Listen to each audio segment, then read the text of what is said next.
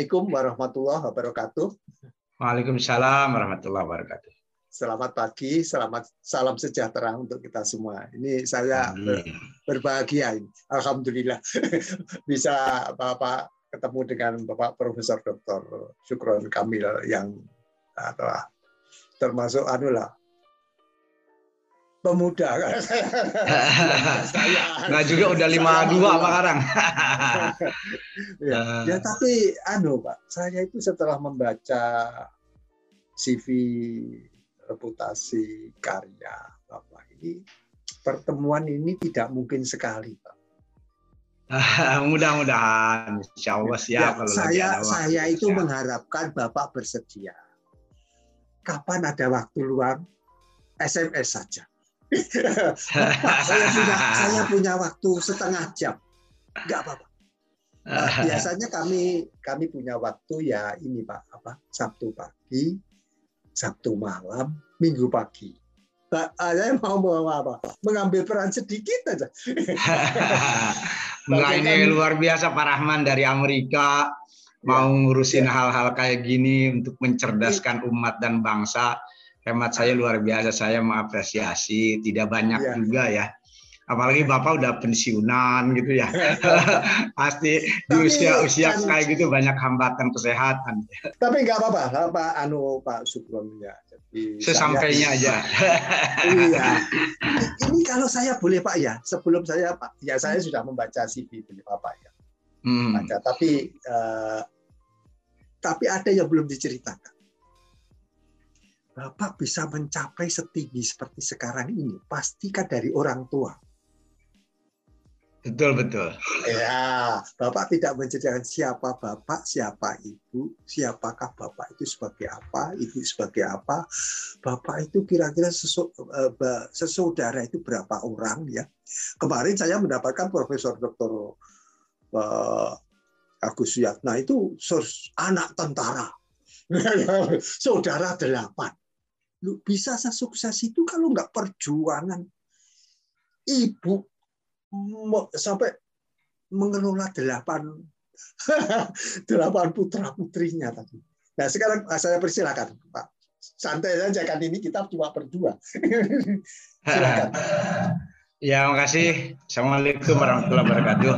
Waalaikumsalam. Ya, kalau ditanya latar keluarga, ya saya itu uh, dari latar belakang uh, keluarga apa namanya uh, ya elit keagamaan uh, di kampung lah gitu ya. Hmm. Uh, bapak saya seorang apa ustadz itu seorang kiai tapi tidak punya pesantren. Uh, kerjaannya uh, ngajar uh, masyarakat selain memang aktif di masjid termasuk mengelola anak-anak yatim gitu ya. Nah, hmm. saya nggak tahu ya kalau keberkahan mungkin karena ayah itu pendiri semacam badan milik masjid yang mengelola anak yatim itu itu juga membawa keberkahan bagi anaknya. Ayah saya itu kalau Jumat pergi ke Jakarta ngajar di tiga tempat itu ya. Salah satunya yang masjid besar itu ada ada namanya Masjid Al Hayah itu ya, dekat Pasar Baru itu ya Oh gitu iya. ya. Padahal dulu katanya habis keluar pesantren, pesantrennya terbakar itu ya. Uh, tapi kemudian diminta untuk apa namanya uh, ngajar itu. Dan sejak itulah meskipun masih agak susah juga mungkin dari latar belakang Sunda harus ngomong bahasa Indonesia ya.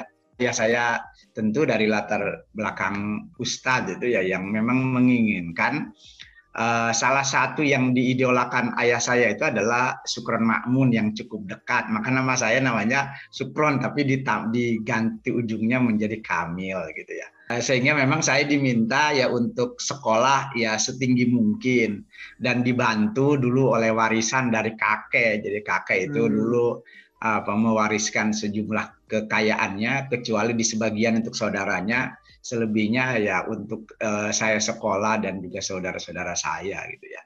nah, ibu orang, itu dari latar belakang ayah sama uh, apa latar belakang kakek ya yang cukup uh, sukses untuk ukuran kampung sampai naik haji dan lain-lain gitu ya. ya nah, iya. ibu itu melanjutkan tradisi dagang dari apa namanya dari kakek dan juga nenek ibu itu misalnya. Jadi sehingga nasihat ibu saya itu eh, ente nggak cukup jadi kiai saja gitu ya.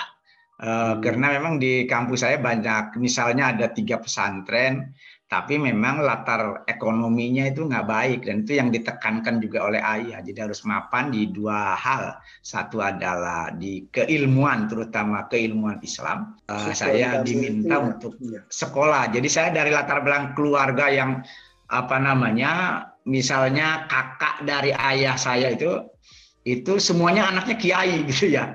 Nah itu dulu sempat ada ini juga dari teman-teman ayah itu di, di, ditentang uh, habis. Karena katanya anak kiai kok malah sekolah gitu. Kata ayah saya ya kan pesantrennya jalan katanya gitu ya. Dan nggak ada masalah dengan ilmu kepesantrenan itu ya. Jadi eh, saya termasuk mendobrak uh, tradisi keluarga gitu ya. Nah kalau uh, keluarga apa namanya eh, banyak ya ada tujuh itu ya. Eh, tiga perempuan eh, empat laki-laki gitu ya. Dan ya sebagiannya eh, sarjana juga ada dua. Tapi yang dua nggak sarjana itu ya nggak selesai. Karena dia langsung ke bergerak di bidang bisnis dan tani gitu ya nah, ayah saya mengapresiasi hmm. saja ya kalian kan punya pilihan pilihan sendiri gitu ya itu saya kira Pak kalau ini sih. eh, iya, iya. Ini kalau saya melihat anu pendidikan Bapak itu ya, jadi ya kalau diurut dari S1 mulainya kan tahun 91 ya Nah, ayah oh. setuju dengan dua Cairo University atau UIN Jakarta karena di UI saya mau ngambil apa namanya ilmu politik. Eh, hmm. gitu tapi jadinya malah karena beasiswanya yang lengkap di UIN Jakarta gitu saya ngambil waktu itu uh, politik Islam karena itulah ilmu saya itu uh, hingga hari ini berjalan di dua tempat satu adalah sastra kedua Islamic Studies untuk studi politik Islam modern. Karena dulu tesis jadi terbit ya judulnya itu Islam dan Demokrasi telah konseptual dan historis gitu ya. Nah apa namanya di S3 Eh, saya mengkonsentrasi untuk studi sastra Arab banding. Dan itulah disertasi saya itu itu multidisipliner karena mengkaji sastra Islam dan benarnya tapi mengkaji uh, novel Aulad Harotina apa namanya Najib Mahfud dulu itu apa namanya risetnya di Kairo dan disempurnakan di Amerika dengan ikut program uh, short course ya religion and uh, society gitu ya. Jadi saya memang di luar negeri nggak pernah secara apa namanya ini gitu tapi uh, saya ikut apa namanya uh, short course di Amerika uh, waktu itu untuk pengembangan disertasi uh, sebelum ujian terbuka itu ya uh, tertutup gitu uh, saya dimungkinkan untuk mengakses perpustakaan Temple University di apa namanya uh, Pennsylvania itu ya kalau masa ininya. Lalu kemudian iya, iya. Uh, uh, tahun 2009 saya ke Jepang Southwest juga uh, learning modernization in Japan itu ya.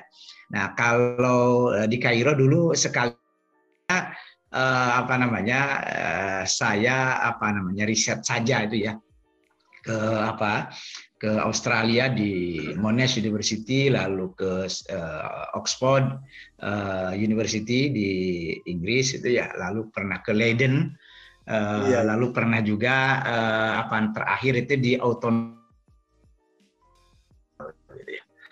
Saya kira itu kalau ini sih secara umum ya apa namanya pengalaman uh, uh, ininya gitu ya. Iya, iya. Biasanya, itu kalau kalau dari segi pendidikan uh, apa informal itu di pesantren saya besar di tiga pesantren dulu di kampung ada Miftahus Sa'adah Ki Muhtar dulu udah meninggal sekarang. Lalu saya ngelanjut pesantren PUI di Kota Bogor di bawah bimbingan Ki Haji Muhammad Maksum. Lalu eh, terakhir saya belajar di pesantren Hidayatul Wildan yang sekarang dipimpin oleh Wakil Ketua MUI eh, Kabupaten Bogor. Sekarang masih ada kalau guru oh. saya apa namanya iya. eh, paling akhir itu. Eh, iya. Gitu Pak. Jadi kalau kamu belajar Islam tanpa lewat pesantren itu ahistoris kata ayah saya itu ya. Kira-kira meskipun ayah saya nggak bilang bahasanya ahistoris itu ya, tapi itu dibahasakan oleh saya seperti itu gitu ya. Karena memang iya. ilmu-ilmu yang berkembang di Indonesia, wacana keislaman itu banyak diambil utamanya itu dari dari kitab-kitab kuning yang berkembang di pesantren eh, tradisional. Jadi tanpa penguasaan Eh, kitab-kitab kuning kata ayah saya ya nggak lengkap gitu ya bicara ya, ini iya. meskipun ya. ente ya harus uh, seperti Cak Nur gitu katanya bisa menulis buku dengan penguasaan kemodernan dan keindonesiaan. Jadi dalam iya. bahasa usul fikih itu yang kadang dikutip oleh ayah saya, kamu harus jadi al muhafadzah al qadimis yang harus menguasai hazanah klasik yang baik tetapi wal akhdu bil jadidil aslah. Harus mengambil uh, sains sains modern baik sains dalam pengertian IPA uh, maupun sosial dan humaniora. Meskipun ya uh, walau bagaimanapun yang akan kuat adalah uh, sosial dan humaniora gitu. Nah, tetapi yang menarik itu waktu saya di Aliyah Pak itu ya mau ngambil jurusan uh, IPA atau IPS itu dilarang. Bahkan saya diberhent akan diberhentikan uh, sekolah itu ya. Kalau tidak ngambil jurusan agama. Itu tadi juga waktu mau S1 juga dilarang ngambil di UI ilmu politik, bahkan S2 pun masih dilarang aja gitu ya. Karena katanya katanya kalau kamu saja nggak mau jadi kiai, nggak mau jadi ustadz katanya gitu ya. Terus siapa yang mau jadi mengembangkan agama dan mau mengembangkan eh, apa namanya eh, ilmu-ilmu eh, keislaman? Ya, ya ini kan anu sudut pandang dari Bapak itu berbeda ini. Iya, iya. iya. Uh, gitu Pak Rahman. Iya, tapi kan ya yang mirip dengan Bapak saya juga ya. Bapak saya itu inginnya kak, kak, kakak saya, saya itu ya ke pondok saja. Ini jaringannya kurang bagus ya Pak Rahman. Iya. Ya, ya nggak apa-apa, tetap kita teruskan. Ini kan kita nanti biar Mas Didin yang ngedit ya. Oke, okay, iya. Iya. Uh, gini, bagaimana kalau kita mulai dengan anu, apa PowerPoint Bapak itu kayaknya PowerPointnya itu wah itu singkat tapi padat sekali. Jadi kalau nggak kedengeran kalau, dari ya ini pertanyaannya Pak Didin. Iya, kalau itu yang membaca itu biasa-biasa saja. Ini ini ini berat banget ini. Berat banget ini. Saya silakan silakan anu. Din bisa din? Atau anu din? Suara. Eh, silakan uh, prof dari slide satu. Uh, bagus sekalian ya kita pagi ini akan bincang mengenai bincang-bincang mengenai temuan sains dan teknologi uh, dalam Islam ya dari masa keemasan hingga uh, kemunduran gitu ya. Nah, silakan Pak Mas Didit dilanjut. Nah, ya sebenarnya kalau kita bicara Islam dan sains ya secara umum itu adalah uh, bukan sebagai sesuatu yang apa tidak kompatibel gitu ya. Meskipun memang sering kali agama dan sains itu dihadap-hadapkan gitu ya. Karena sering kali agama itu sebagai wilayah keyakinan dan kepercayaan. Nah di sisi yang lain sains itu adalah wilayah rasional dan empiris gitu ya.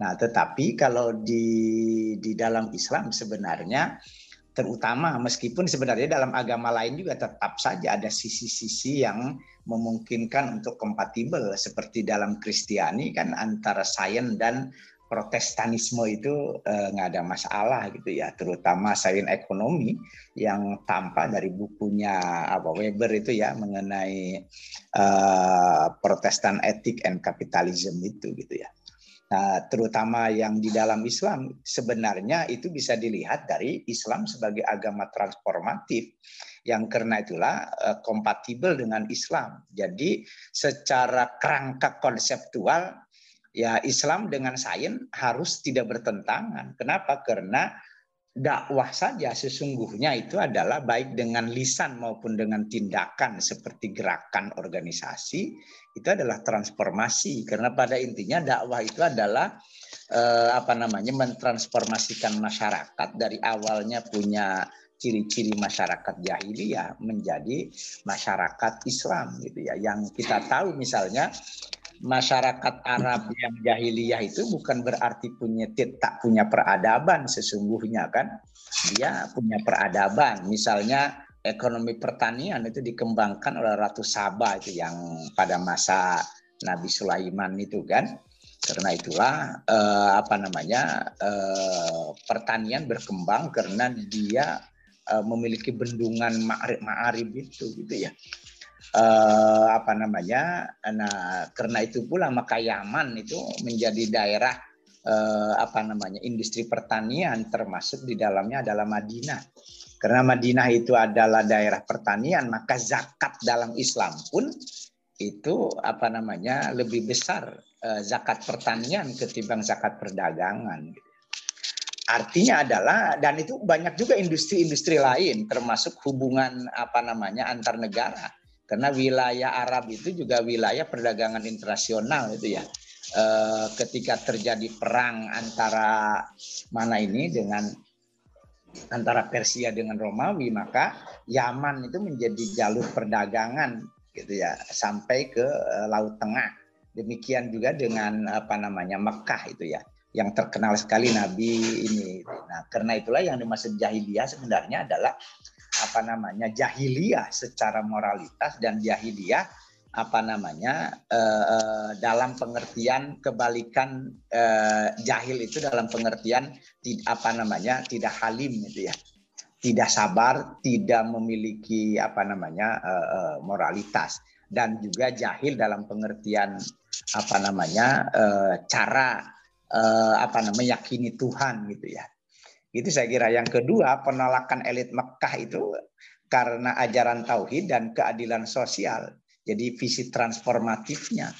Karena Islam datang dengan apa namanya eh, menekankan pada transformasi eh, sosial gitu ya, yaitu ajaran tauhid yang Eh, mentransformasikan ajaran tauhid yang meng, apa namanya membebaskan orang dari uh, apa eh, sikap-sikap yang uh, dari kezaliman gitu ya.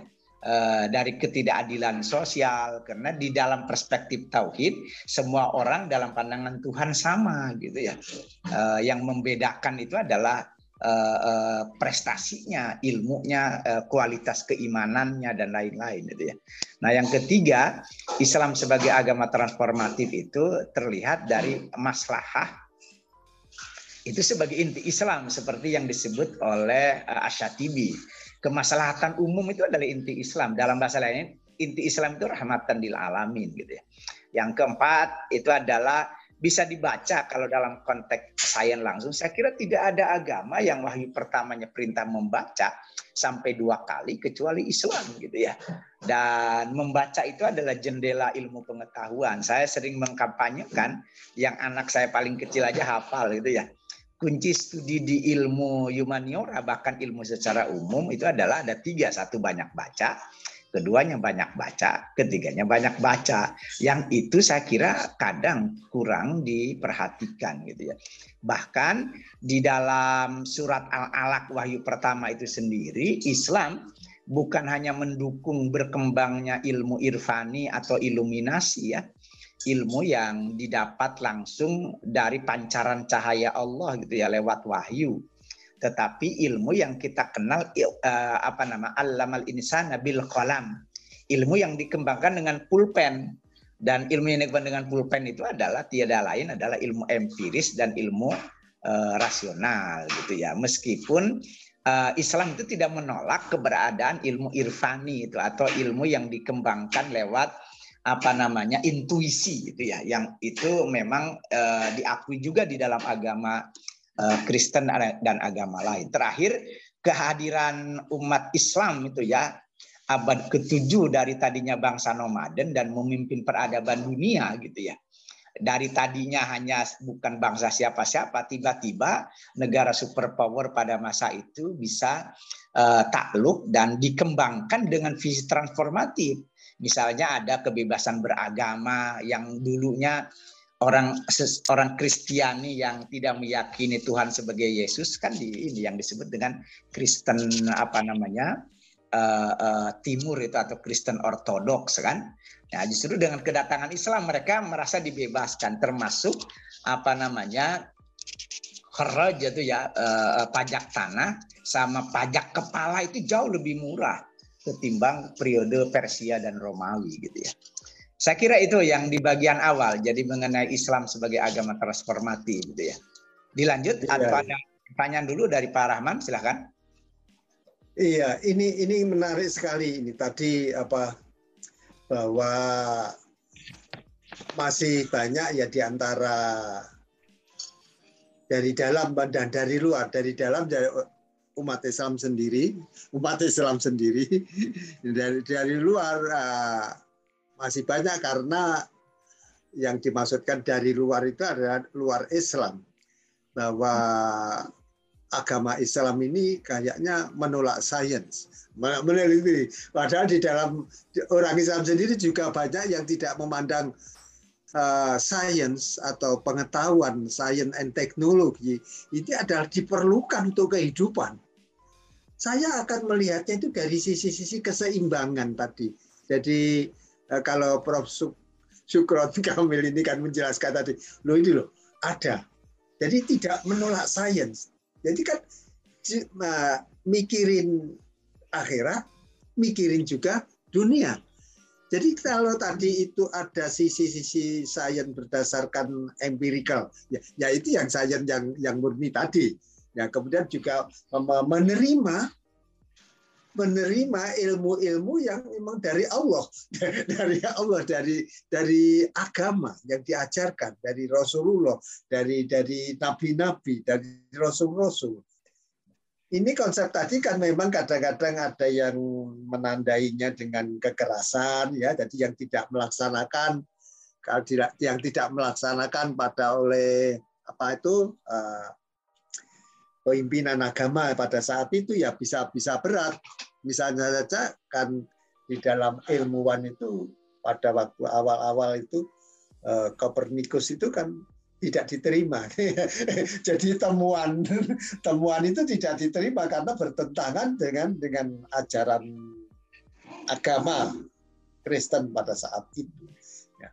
Nah, ini kalau tidak dari tadi Bapak menjelaskan bahwa memang perkembangan apa di dunia apa agama transformatif dan ilmu pengetahuan memang kelihatan sekali bahwa luar biasa.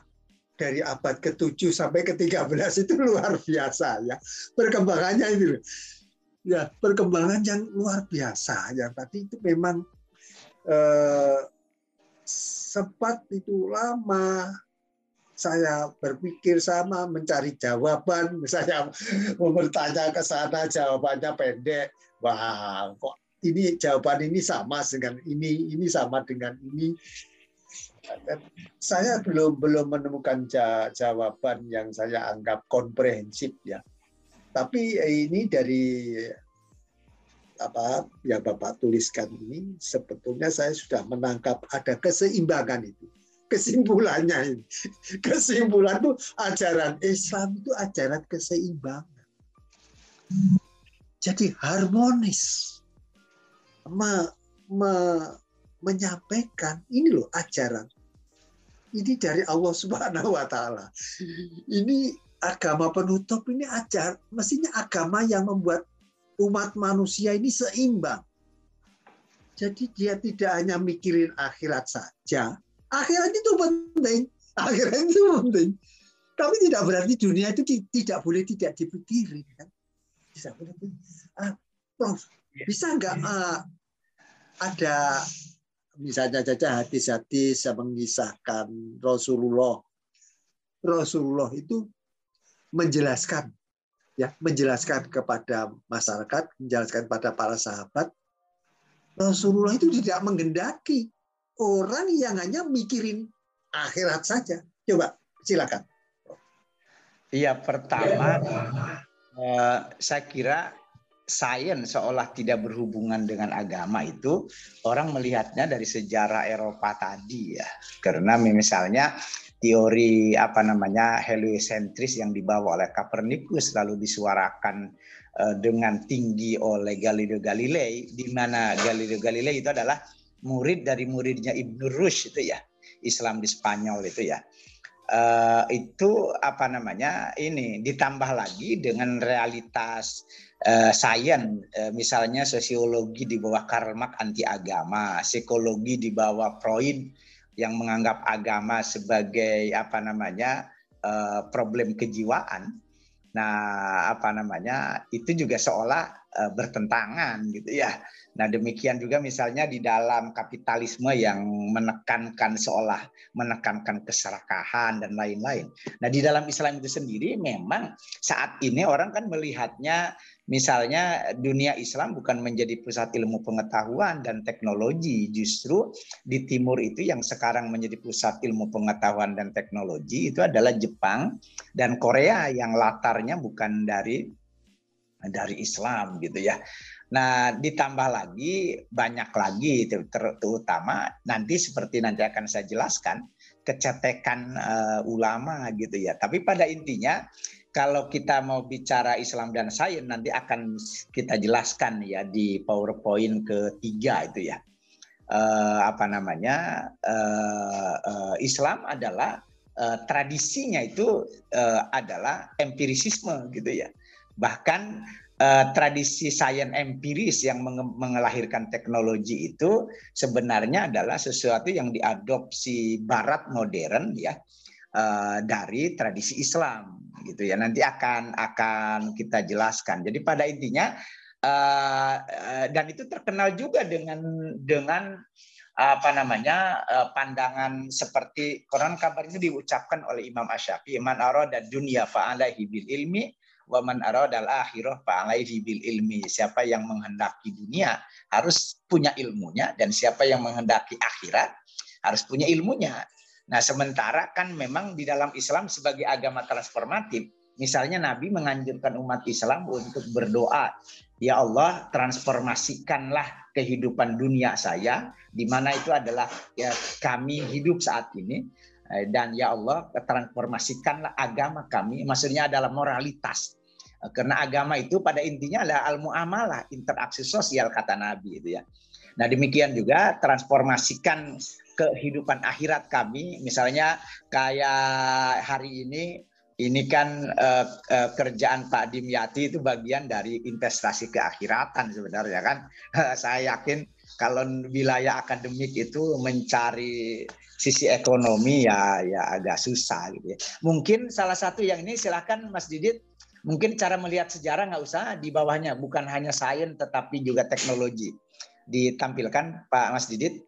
Satu lagi. Nah itu, nah default itu ya yang saya kira ininya. Apa yang kita sebut ilmu pengetahuan uh, pengetahuan dan maksudnya pengetahuan empiris muncul sebagai akibat metode eksperimental baru yang diperkenalkan orang Arab kepada orang Eropa gitu. Karena sejak abad ke-8 Islam mengambil alih uh, uh, sains atau ilmu yang berkembang di Yunani, tetapi yang membedakan itu adalah uh, sains empiris itu yang dikembangkan. Misalnya nanti kita akan melihat di periode uh, di di apa namanya slide berikutnya mengenai ilmu yang dikembangkan oleh Jabir bin Hayyan yang ahli kimia itu. Bahkan sains itu dimonopoli umat Islam selama tiga abad setengah bahkan sebenarnya enam atau tujuh abad dia bahkan Roger Bacon itu yang menyarankan agar masyarakat Barat pada masa itu itu abad ke-13 ya periode Renaissance itu ya mempelajari ilmu empiris dari orang-orang Arab terutama Ibnu Sina tanpa harus merasa inferior. Nah, cuma bedanya ini memang eh, Barat abad ke-13 hampir sama situasinya dengan Islam pada periode modern itu ya. Tadi pagi salah satu yang saya ceramah ya kan mengenai eh, Barat dan Timur gitu ya. Seolah Barat itu jelek, timur itu baik. Padahal saya bilangin tidak seluruhnya barat jelek, tidak seluruhnya timur jelek. Dia baik gitu kan. Karena uh, walillahil masyrik wal maghrib itu ya. Kepunyaan Allah lah uh, timur uh, dan barat. Nah sekarang ini kan ada semacam antipati apalagi dari kalangan fundamentalisme atau konservatisme gitu ya. Uh, cenderung anti barat. Padahal kalau mau menguasai sains ya umat Islam harus belajar pada barat sebagaimana dulu orang barat belajar sains empiris dari umat Islam padahal Islam kan memandang al-haqqu mu'minin kebenaran ilmu pengetahuan itu adalah uh, apa namanya barang hilangnya kaum mukminin gitu ya. Bahkan Nabi sendiri pada abad ke-7 itu malah meminta kita untuk belajar pada Cina utlubul ilma walau bisin. Itu yang dimaksud adalah teknologi. Karena Cina itu kan secara agama bukan Islam, ya kan, Konghucu atau Buddha pada masa itu. Tapi Nabi justru pada abad ke-7 meminta umat Islam untuk belajar sains. Yang karena itulah pada masa Utsman bin Affan teknologi kertas sudah diadopsi umat Islam. Itulah yang mengakibatkan Islam dengan Qur'annya itu menjadi valid itu ya. Tidak ada yang eh, mempertentangkan itu adalah eh, dari Allah. Karena memang setelah pada masa Abu Bakar khalifah pertama itu ditulis dalam lembaran uh, kulit, lalu pada masa Utsman kan sudah dalam bentuk mushaf yang kita kenal pakai kertas itu. Dan itu dikembangkan umat Islam setelah mempelajari ilmu dari Cina itu teknologi kertas itu dari Ta'alin kalau nggak salah ya. Gitu dan saya kira itu juga bisa dilihat dari visi integrasi ilmu dan wahyu dalam Islam itu ya yang dikembangkan perguruan tinggi perguruan tinggi Islam gitu ya.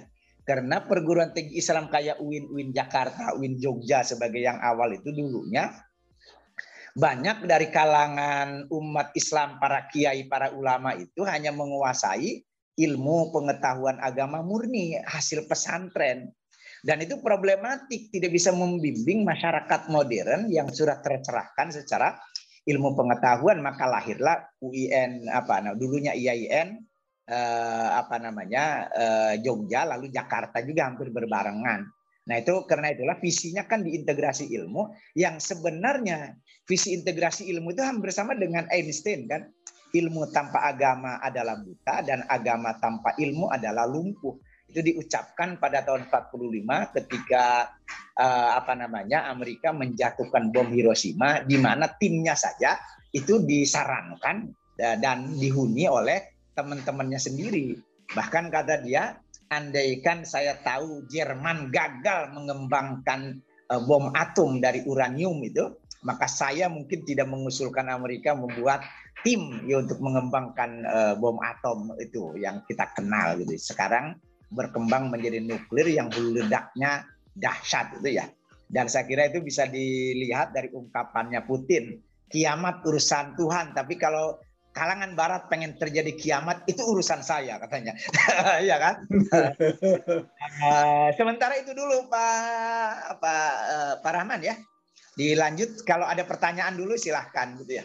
Kalau ada yang iya. terlewat tadi uh, uh, uh, silahkan. Jadi dari awal konsepsi Islam dan prakteknya itu memang ini apa tidak membedakan ilmu tadi itu hanya memang ya sejak abad ke-13 kan Islam malah kalah oleh kekuatan Mongol gitu ya dan di dalam pada itu banyak hal termasuk berkembangnya tasawuf gitu ya yang mementingkan kehidupan akhirat uh, ketimbang dunia gitu ya nah itu iya. salah satunya yang mengakibatkan uh, Islam uh, semakin tertinggal dari dari ilmu pengetahuan modern sebagai basis dari teknologi uh, di mana teknologi itu adalah uh, produk yang dikembangkan manusia berbasis sains untuk memudahkan kehidupan manusia. Kayak hari ini kita kan disambungkan dengan teknologi yang kita sebut IT, lebih tepatnya Zoom itu gitu ya. Gitu saya kira Pak Rahman. Iya, ini ini menarik sekali loh, Prof. Ini ini memang yang kita tunggu-tunggu ya penjelasan alasan ini adalah alasan-alasan rasional ya. bahwa umat Islam 350 tahun menguasai sains teknologi itu betul-betul membuat Eropa belajar dari Islam. Ya Eropa belajar dari Islam. Nah, ya sedihnya ini setelah abad ke-13 ini ya stop tadi, stop. Nah, ini yang sebetulnya yang yang apa? Eh, kalau aduh ya ada mimpi ya, ada mimpi yang saya bayangkan selalu mimpi. Walaupun mimpi itu kapan terjadinya itu ya kalau kita mau berkolaborasi ya tidak sendirian membangun bangsa membangun dunia itu tidak boleh sendirian kita harus bersama-sama kita harus uh, apa objektif kita harus uh, melakukan semacam keadilan ya. Jadi kita itu tidak tidak boleh uh, apa mau menang sendiri mau menang sendiri ya. Kalau mau ingin terkenal ya ya bisa bahaya dunia ini jadi dulu itu kalau pernah dalam sejarah kan kita punya ada Hitler yang ingin Jerman nomor satu. ya kita eh, ada di Italia ada Mussolini ya basis itu. Dan ini kalau bangkit lagi kan gawat juga. Ini kan bangkit lagi kan gawat juga. Tapi kalau bangkitnya ini yang membawa keberhasilan, bagaimana the golden age centuries of Islam in science and technology. Jadi eh, keberhasilan Islam di dalam abad mulai abad 7 sejak eh, bangunnya Islam kemudian sampai kepada eh, abad ke-13 dan mungkin sebetulnya ya sedikit abad 14 sebetulnya ya merembetnya memang pengaruh pengaruh yang tadi Eh, dengan mengharumkannya ya. Kalau saya eh, dengar ini dengan mengharumkannya filsafat filsafat. Padahal filsafat itu eh, seseorang itu tidak hanya yes and no. Nanti dulu nanti dulu. Kan seorang filsafat itu nanti dulu. Kalau begini mestinya kan begini. Kalau begini kan mestinya begini. Loh logika logika seperti itu yang logis. Yang sekarang ini memang yang saudara kita dari Solo atau Jogja? Oh, dari jadi Jogja. Dari Jogja ya yang yang apa pengajian filsafat pengajian filsafat boleh bilang bagus juga itu. Bagus juga. Banyak juga yang ikut. Dan ini sebetulnya menyadarkan kita mestinya termasuk membangun. Kita ini harus harus anu loh berpikir gitu. Kita itu harus berpikir tetapi berpikir yang bahagia ya jangan membuat mundorot, jangan membuat kecelakaan. Ya tadi kalau uh, teknologi yang sekarang ini kan tinggal meja tombol, Pak. Kiamat atau tidak kiamat ini tinggal, tinggal meja tombol. Jadi sekarang ini tombol tombolnya ada di kalau di Amerika ada di Biden, jadi tidak ada orang lain yang bisa memejet ini. Kemudian kalau di Rusia itu tombolnya ada di Putin.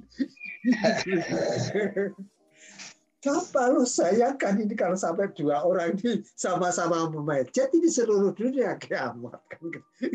Jadi tapi angka yang yang kiamatnya lebih cepat itu yang sekarang ini memang betul-betul gawat gitu loh. Ini kalau eh nggak tahulah ya semoga saja tidak Allah terjadi. wa taala tidak terjadi itu apa gerusa gerusu ya pikiran emosional bahwa uh, janganlah sampai kehidupan ini sampai membawa sejarah yang mengerikan seperti perang dunia kedua dulu. Nah, perang dunia ke satu saja kita sudah sedih ya. Lalu perang dunia kedua itu lebih payah lagi. Lalu kalau yang ini berakhir betul, ya bagaimana ini? Mestinya kita itu happy, Mestinya kita itu happy, saling membantu. Nah sekarang dalam tiga hari terakhir ini kesedihan, kesedihan ya. Ya semoga dua-dua pimpinan ini tombolnya ditahan dulu lah, ditahan dulu. Ini uh, Prof, coba di, dijelaskan lagi itu yang slide berikutnya yang yang berhubungan dengan ini apa teknologi. Iya okay. kemunduran, kemunduran kalau saya yang membuat kemunduran umat Islam. Sebelum kemunduran, eh, slide yang yang tadi setelah yang tadi saya jelasin dilihat sedikit saja kita cepat ini ya. Nah sebenarnya sains dan teknologi itu bisa dilihat dari apa yang sudah setelah ini Mas Didit. setelah ini. Nah ini itu bisa dilihat dari Jabir bin Hayyan itu ya hidup pada abad ke-9 awal itu ya meninggalnya. Jadi hidupnya pada pada abad ke-8 gitu ya. Nah salah satunya dia uh, menggunakan timbangan dalam eksperimen kimia. Jadi dia orang pertama yang menggunakan timbangan dengan ukuran kecil itu ya. Karena kalau kimia lebih dari dikit saja kan bisa berabe, bisa bermasalah. Nah, salah satunya dia punya uh, teknologi kertas yang tahan api dan tinta yang dapat dibaca dalam keadaan gelap. Dulu kan belum ada listrik kan? Gitu ya. Iya. Dan kira yang kalau kita naik pesawat saat ini kalau gelap itu bisa terang atau di jalan tol kalau malam bisa melahirkan terang. Itu teknologi pertamanya itu sebenarnya dibuat oleh uh, Jabir bin Hayyan itu ya yang itu atas permintaan dari Imam Syiah itu ya Ja'far As-Sadiq gitu ya. Sehingga memang kalau gelap orang tetap bisa baca buku termasuk zat aditif anti karat dan tahan air. Dilanjut saya kira uh, ini cepat saja ini ya. Itu salah satu teknologi yang uh, apa namanya lahir selain ilmu empiris. Berikutnya Mas Didit. Nah, apa namanya? ahli ahli berikutnya itu adalah uh, ahli fisika itu ya. Misalnya Ibnu Haytham itu ya, uh, Kamaluddin Al-Farisi, Al-Biruni seperti nampak di sini. Saya nggak akan menjelaskan, tapi yang jelas adalah uh, apa Al-Biruni sejak abad ke-11 uh, berkeyakinan bumi itu berputar pada sumbunya sambil mengelilingi matahari. Jadi heliosentris itu yang dikembangkan yang dipandang dari Copernicus dan Galilei di dalam Islam itu abad ke-11 saja sudah menjadi kesepakatan itu ya. Termasuk orbit-orbit planet tidak hanya apa namanya uh, uh, berbentuk lingkaran tetapi eliptis. Dilanjut lagi biar cepat kita bisa sampai ke periode saat ini. Nah, termasuk Al-Khwarizmi itu yang menemukan angka nol uh, yang berarti kosong itu ya. Nah, angka ini memang sih menjadi perdebatan. Awalnya itu yang mengembangkan 1 sampai 9 India. Tetapi yang membuat operasional itu adalah Holowarismi. Yang menarik itu oleh orang Indonesia ini dianggap sebagai angka Latin. Padahal angka Latin itu ya angka Romawi itu kan. Bayangkan 18 aja kan repot ya Pak Rahman. Apalagi yeah, misalnya yeah, yeah. 818 itu repotnya. Nah, tapi dengan angka Arab yang yang sekarang kita kenal kan mudah. Kata Al-Warizmi, kalau sudah 1 sampai 9 itu kembali ke awal lagi satu tapi ditambah nol. Nah harus terus kembali lagi ke angka awal satu satu berarti sebelas sampai selesai gitu ya. Nah apa bahkan kalau mau di ini itu filosofi angka itu eh, nampak itu ya satu garis gitu. Kalau dua garisnya dua gitu ya. Nah lalu kalau tiga tiga kan ininya. Nah kalau empat satu dua tiga empat gitu ya. Nah, lima kan ditambah ini satu jadi lima gitu ya. Kalau enam jadi satu dua tiga empat lima enam gitu ya. Kalau tujuh ditambah garis gitu, makanya tujuh. Jadi ini filosofi kalau delapan empat ditambah empat gitu ya ininya dulu. Iya, iya. nah, nah uh, di lain, uh, nah kalender itu misalnya ini ini teknologi Umar Hayam tuh buat kalender itu ya. Dan kalender itu masih dipakai di di Iran hingga hari ini kalender Jalali itu ya. Nah, ya, Umar Hayam juga bisa membuat dinamit yang menghancurkan markas gerakan terorisme awal di dalam sejarah Islam itu gerakan Koromito itu ya yang banyak membunuh elit-elit politik uh, terutama dari uh, dinasti apa namanya uh, Seljuk itu ya. Hmm, gitu saya kira. Dilanjut lagi. Nah ya, kedokteran. ya di bidang kedokteran itu uh, penemu uh, teknik stone itu yang yang benang yang sekarang dipakai itu adalah uh, sintetis sintesis untuk uh, apa pembedahan. Dulu itu orang barat belum mengenal teknik pembedahan gitu ya. Konon kabarnya kalau bisul saja itu dipotong kakinya gitu ya. Allah alam benar atau enggak gitu ya. Tapi yang pembedahan terhadap penyakit dalam yang harus dibedah itu adalah tradisi uh, apa namanya Islam oleh Ar-Razi itu ya. Dan dia juga menerapkan uh, uh, terapi kejutan psikologis dalam pengobatan di samping pengobatan fisik. Ini yang membedakan. Tradisi kedokteran Islam itu memang sih menekankan pengobatan biologis ketimbang pengobatan kimia itu ya. Yang kedua, selalu menghubungkan antara kesehatan fisik dengan kesehatan jiwa. Maka nanti misalnya orang macam apa Ar-Razi dan Ibnu Sina itu e, mengembangkan pengobatan itu adalah dengan pengobatan e, kedua-duanya. Misalnya e, apa namanya? Ibnu Sina itu dalam sejarahnya berhadapan dengan seorang pangeran yang yang apa namanya? Yang sakit jiwa ingin disembelih. Nah, kemudian dia bawa pedang itu ya, menyem, apa mengasah di depannya lalu kemudian kata ini uh, dia ngiler ingin disembelih karena dia punya kejiwaan sapi. Kata Ibnu Sina kalau kamu pengen disembelih ya harus gemuk dulu nggak ada sapi kurus baru disembelih gitu ya. Nah lalu kemudian diberi obat dengan apa namanya uh, dengan uh, dikasih makan itu gitu ya. Uh, nah dia juga Ar-Razi itu menekankan mengenai apa namanya uh, pentingnya sejarah kesehatan pasien itu ya. Yang sekarang kan kalau kita berobat ada buku ya.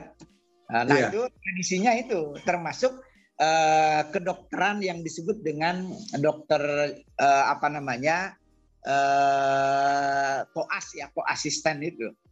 Nah dulu kan uh, apa namanya Ar-Razi itu mengajar di Bait Al Hikmah Lalu kemudian dia ya, pemerintah ingin mendirikan rumah sakit dan rumah sakit itu didirikan di tempat yang eh, daging itu yang paling lama busuk karena bakteri berarti nggak terlalu banyak. Nah di rumah sakit itulah menjadi tempat bagi koas. Seorang dokter nggak bisa berpraktek kecuali dia juga bisa berpraktek eh, latihan prakteknya di rumah sakit itu gitu ya. Nah selain itu ada banyak rumah sakit ini karena itulah buku Ar-Razi Al-Hawi Fitib juga Al-Qanun Fitib itu menjadi buku rujukan barat sebelum periode modern uh, terakhir kontemporer. Sampai periode modern abad ke-18 kalau salah. Itu baru diganti itu ya. Karena apa namanya dia adalah bapak kedokteran dunia kan? Nah berikutnya Mas Didit nah itu Ibnu Sina kan? Operasi pembedahan untuk jaringan kanker itu kan? Uh, ini pengobatan olahraga itu misalnya Ibnu Rus mengementik kayak sekarang kan ilmu mengenai olahraga kan udah umum kan? Seorang itu kalau pengen sehat ya harus olahraga. Ini ininya penjelasannya. Lalu eh, berikutnya adalah ilmu humaniora sosial humaniora. Dilanjut. Eh, nah ini pengembangnya adalah Ibnu Khaldun gitu ya yang teorinya hingga hari ini masih berkembang gitu ya. Misalnya teori oligarki itu eh, asal usulnya adalah teori asobia jadi sebuah negara yang kuat adalah negara yang dipimpin oleh uh, apa namanya uh, mereka yang uh, apa namanya sisi kekuatan sosialnya sebagai oligarki itu kuat gitu ya. Uh, yang itu dulu ada pada masyarakat yang kita kenal adalah keturunan Quraisy itu ya. Dan dia memperkenalkan Eh, terjadi transformasi atau revolusi. Kalau sebuah masyarakat dari tadinya kayak orang Arab uh, dari daerah gitu ya berkuasa lalu kemudian menjadi uh, ketagihan menjadi orang kota gitu ya maka akan datang kalangan yang disebut dengan kaum badui itu gitu ya. Mereka yang punya integritas punya semangat untuk berubah lalu kemudian akan mengambil alih negara gitu ya. Eh, saya kira itu lalu dilanjut lagi Dilanjutkan Mas Didit. Uh, nah, uh, banyak lagi yang lain termasuk di dalam teori bahasa. Kalau bicara Noam Chomsky, misalnya, nah itu dipengaruhi juga oleh oleh teori-teori uh, apa namanya bahasa itu ya, yaitu apa namanya yang disebut dengan uh, apa itu uh, teori misalnya kita itu mampu berbahasa uh, apa namanya uh, asing itu karena bakat apa karena apa uh, ini uh, pengaruh sosial gitu ya pembelajaran. Ternyata uh, Noam Chomsky bilang ya ada sisi bakat dan itu diambil dari Quran wa allama Adam al asma diambil dari pandangan-pandangan Ibnu Faris termasuk As-Suyuti di dalam Al-Muzir fi ulumil dan tentu masih banyak yang lagi yang lain Nah, yang saya ingin jawab adalah yang paling akhir itu. Uh, sebelum persoalan ini, ya ini ini eh, PowerPoint paling akhir. Uh, apa namanya? Oh iya, yang soal filsafat tadi ya. Memang begini, antara ilmu dengan agama itu beda memang di dalam beberapa bagian. Kalau ilmu itu dimulai dari skeptis itu ya dimulai dari meragukan temuan-temuan sebelum sampai yakin lewat eh, eh, apa namanya uji coba yang berkali-kali dan hasilnya sama gitu ya. Eh, lalu meyakinkan gitu ya.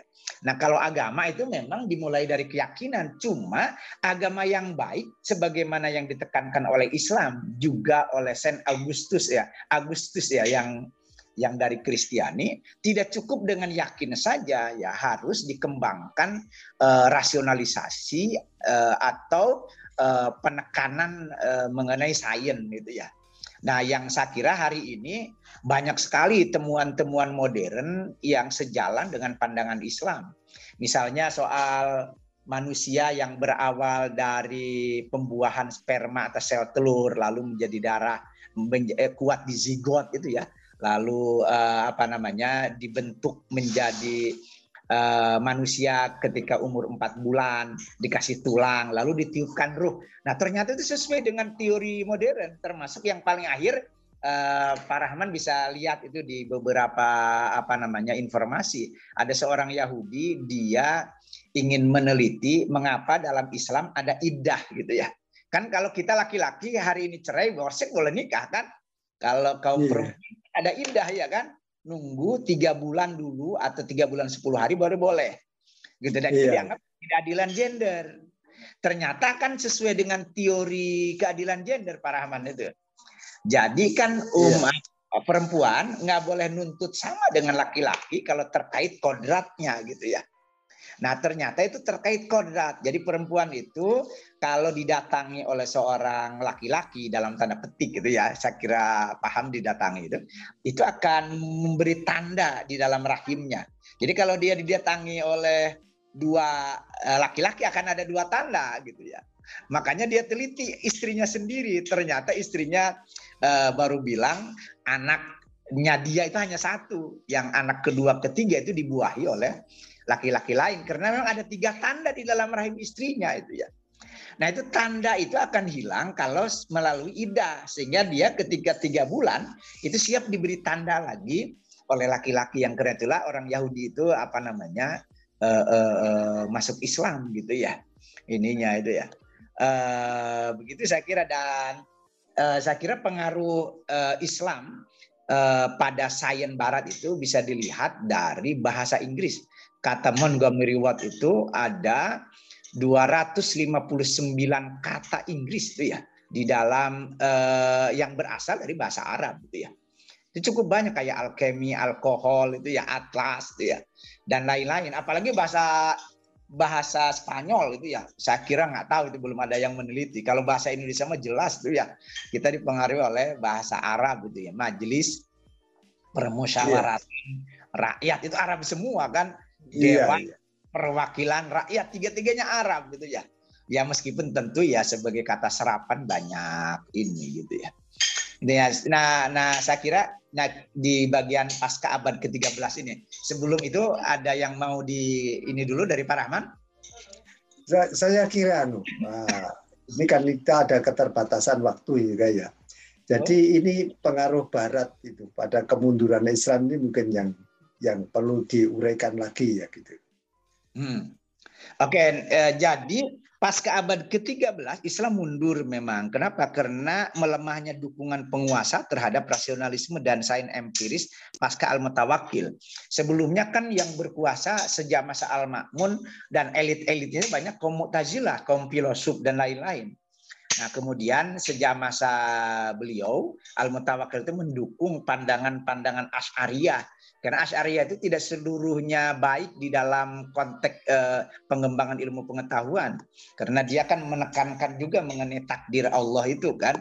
Kalau iya. Mu'tazilah kan tidak menekankan mengenai takdir, takdir itu adalah apa yang diusahakan manusia gitu ya meskipun apa namanya uh, ini intinya uh, dalam bahasa takdir itu adalah hukum alam gitu ya kalau di dalam Asy'ariyah enggak meskipun Maturidiyah yang dipegang oleh Muhammadiyah kan menekankan juga sisi kayak Mu'tazilah jadi takdir itu ada di ujung usaha gitu ya kalau Asy'ariyah itu menyebut bahwa usaha manusia itu tidak efektif gitu ya jadi lebih kayak wayang manusia itu. Meskipun uh, sebenarnya juga di dalam Sunni itu kalau Maturidiyah sih enggak. Yang kedua diharamkannya filsafat oleh Al-Ghazali itu ya dengan uh, ber, berkembangnya buku Tahafutul Falasifa, kekacauan para filosof yang dijawab oleh Ibnu Rus itu tahaputut tahaput. Kekacauan dari kekacauan yang dilanjut abad ke-14 ada Ibnu Taimiyah mengharamkan filsafat juga itu ya.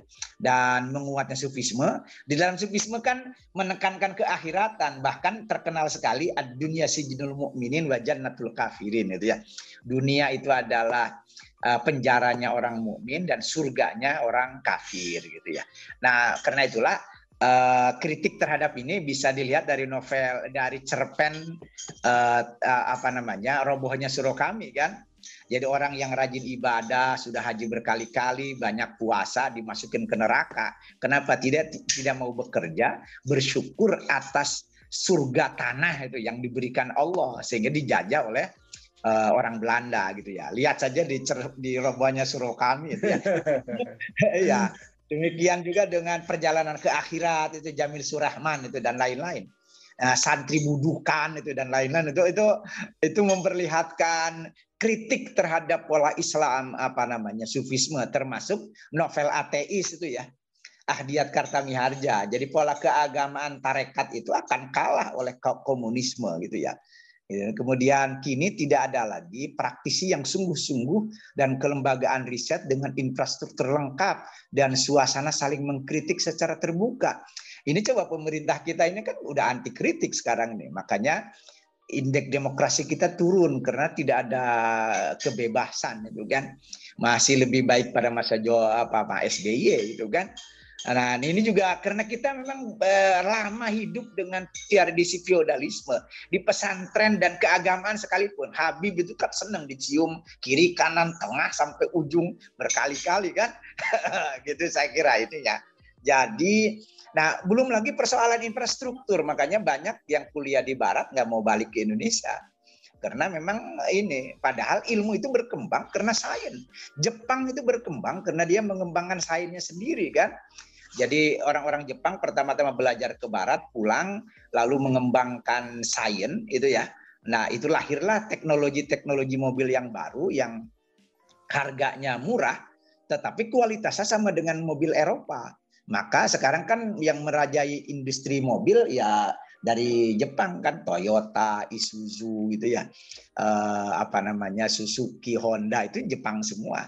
Sementara mobil-mobil ini memang mobil elit gitu ya kayak Mercy juga eh, mobil Fiat yang dari Perancis, yang dari Amerika itu apa itu? Eh, Ford gitu ya. Tapi kan penjualannya di bawah Jepang gitu ya. Nah, makanya iya. ini kita, kita malu itu ya uh, uh, sains dan teknologi mulai dikembangkan lagi pada masa Turki Utsmani, tetapi kalah karena Turki Utsmani itu hanya ngambil teknologinya ahli te ahli teknologi saja, sainsnya nggak dikuasai. Kalau Jepang kan mengembangkan sains tidak ahli teknologi gitu ya, tetapi sainsnya meskipun ini memang di Indonesia di bawah Habibie dulu menekankan uh, ahli teknologi juga gitu ya. Nah, terakhir eh, saya kira itu tadi kecetekan berpikir ulama tadi ya. Eh, saya kira sekarang ini bahkan uh, terkenal sekali pandangan-pandangan ulama salafi uh, wahabi yang aduh cetek banget misalnya soal uh, apa tadi wayang misalnya dianggap haram itu ya dan lain-lain itu ya. Ini yang membuat kita mungkin ya tidak uh, berkembang selain faktor-faktor yang tadi itu. Misalnya tambahannya lagi sekarang ini yang tadi itu kan sastra atau ilmu pengetahuan butuh butuh apa yang disebut dengan uh, patronase patron and client kan. Nah kita ini tidak tumbuh uh, masyarakat menengah ke bawah.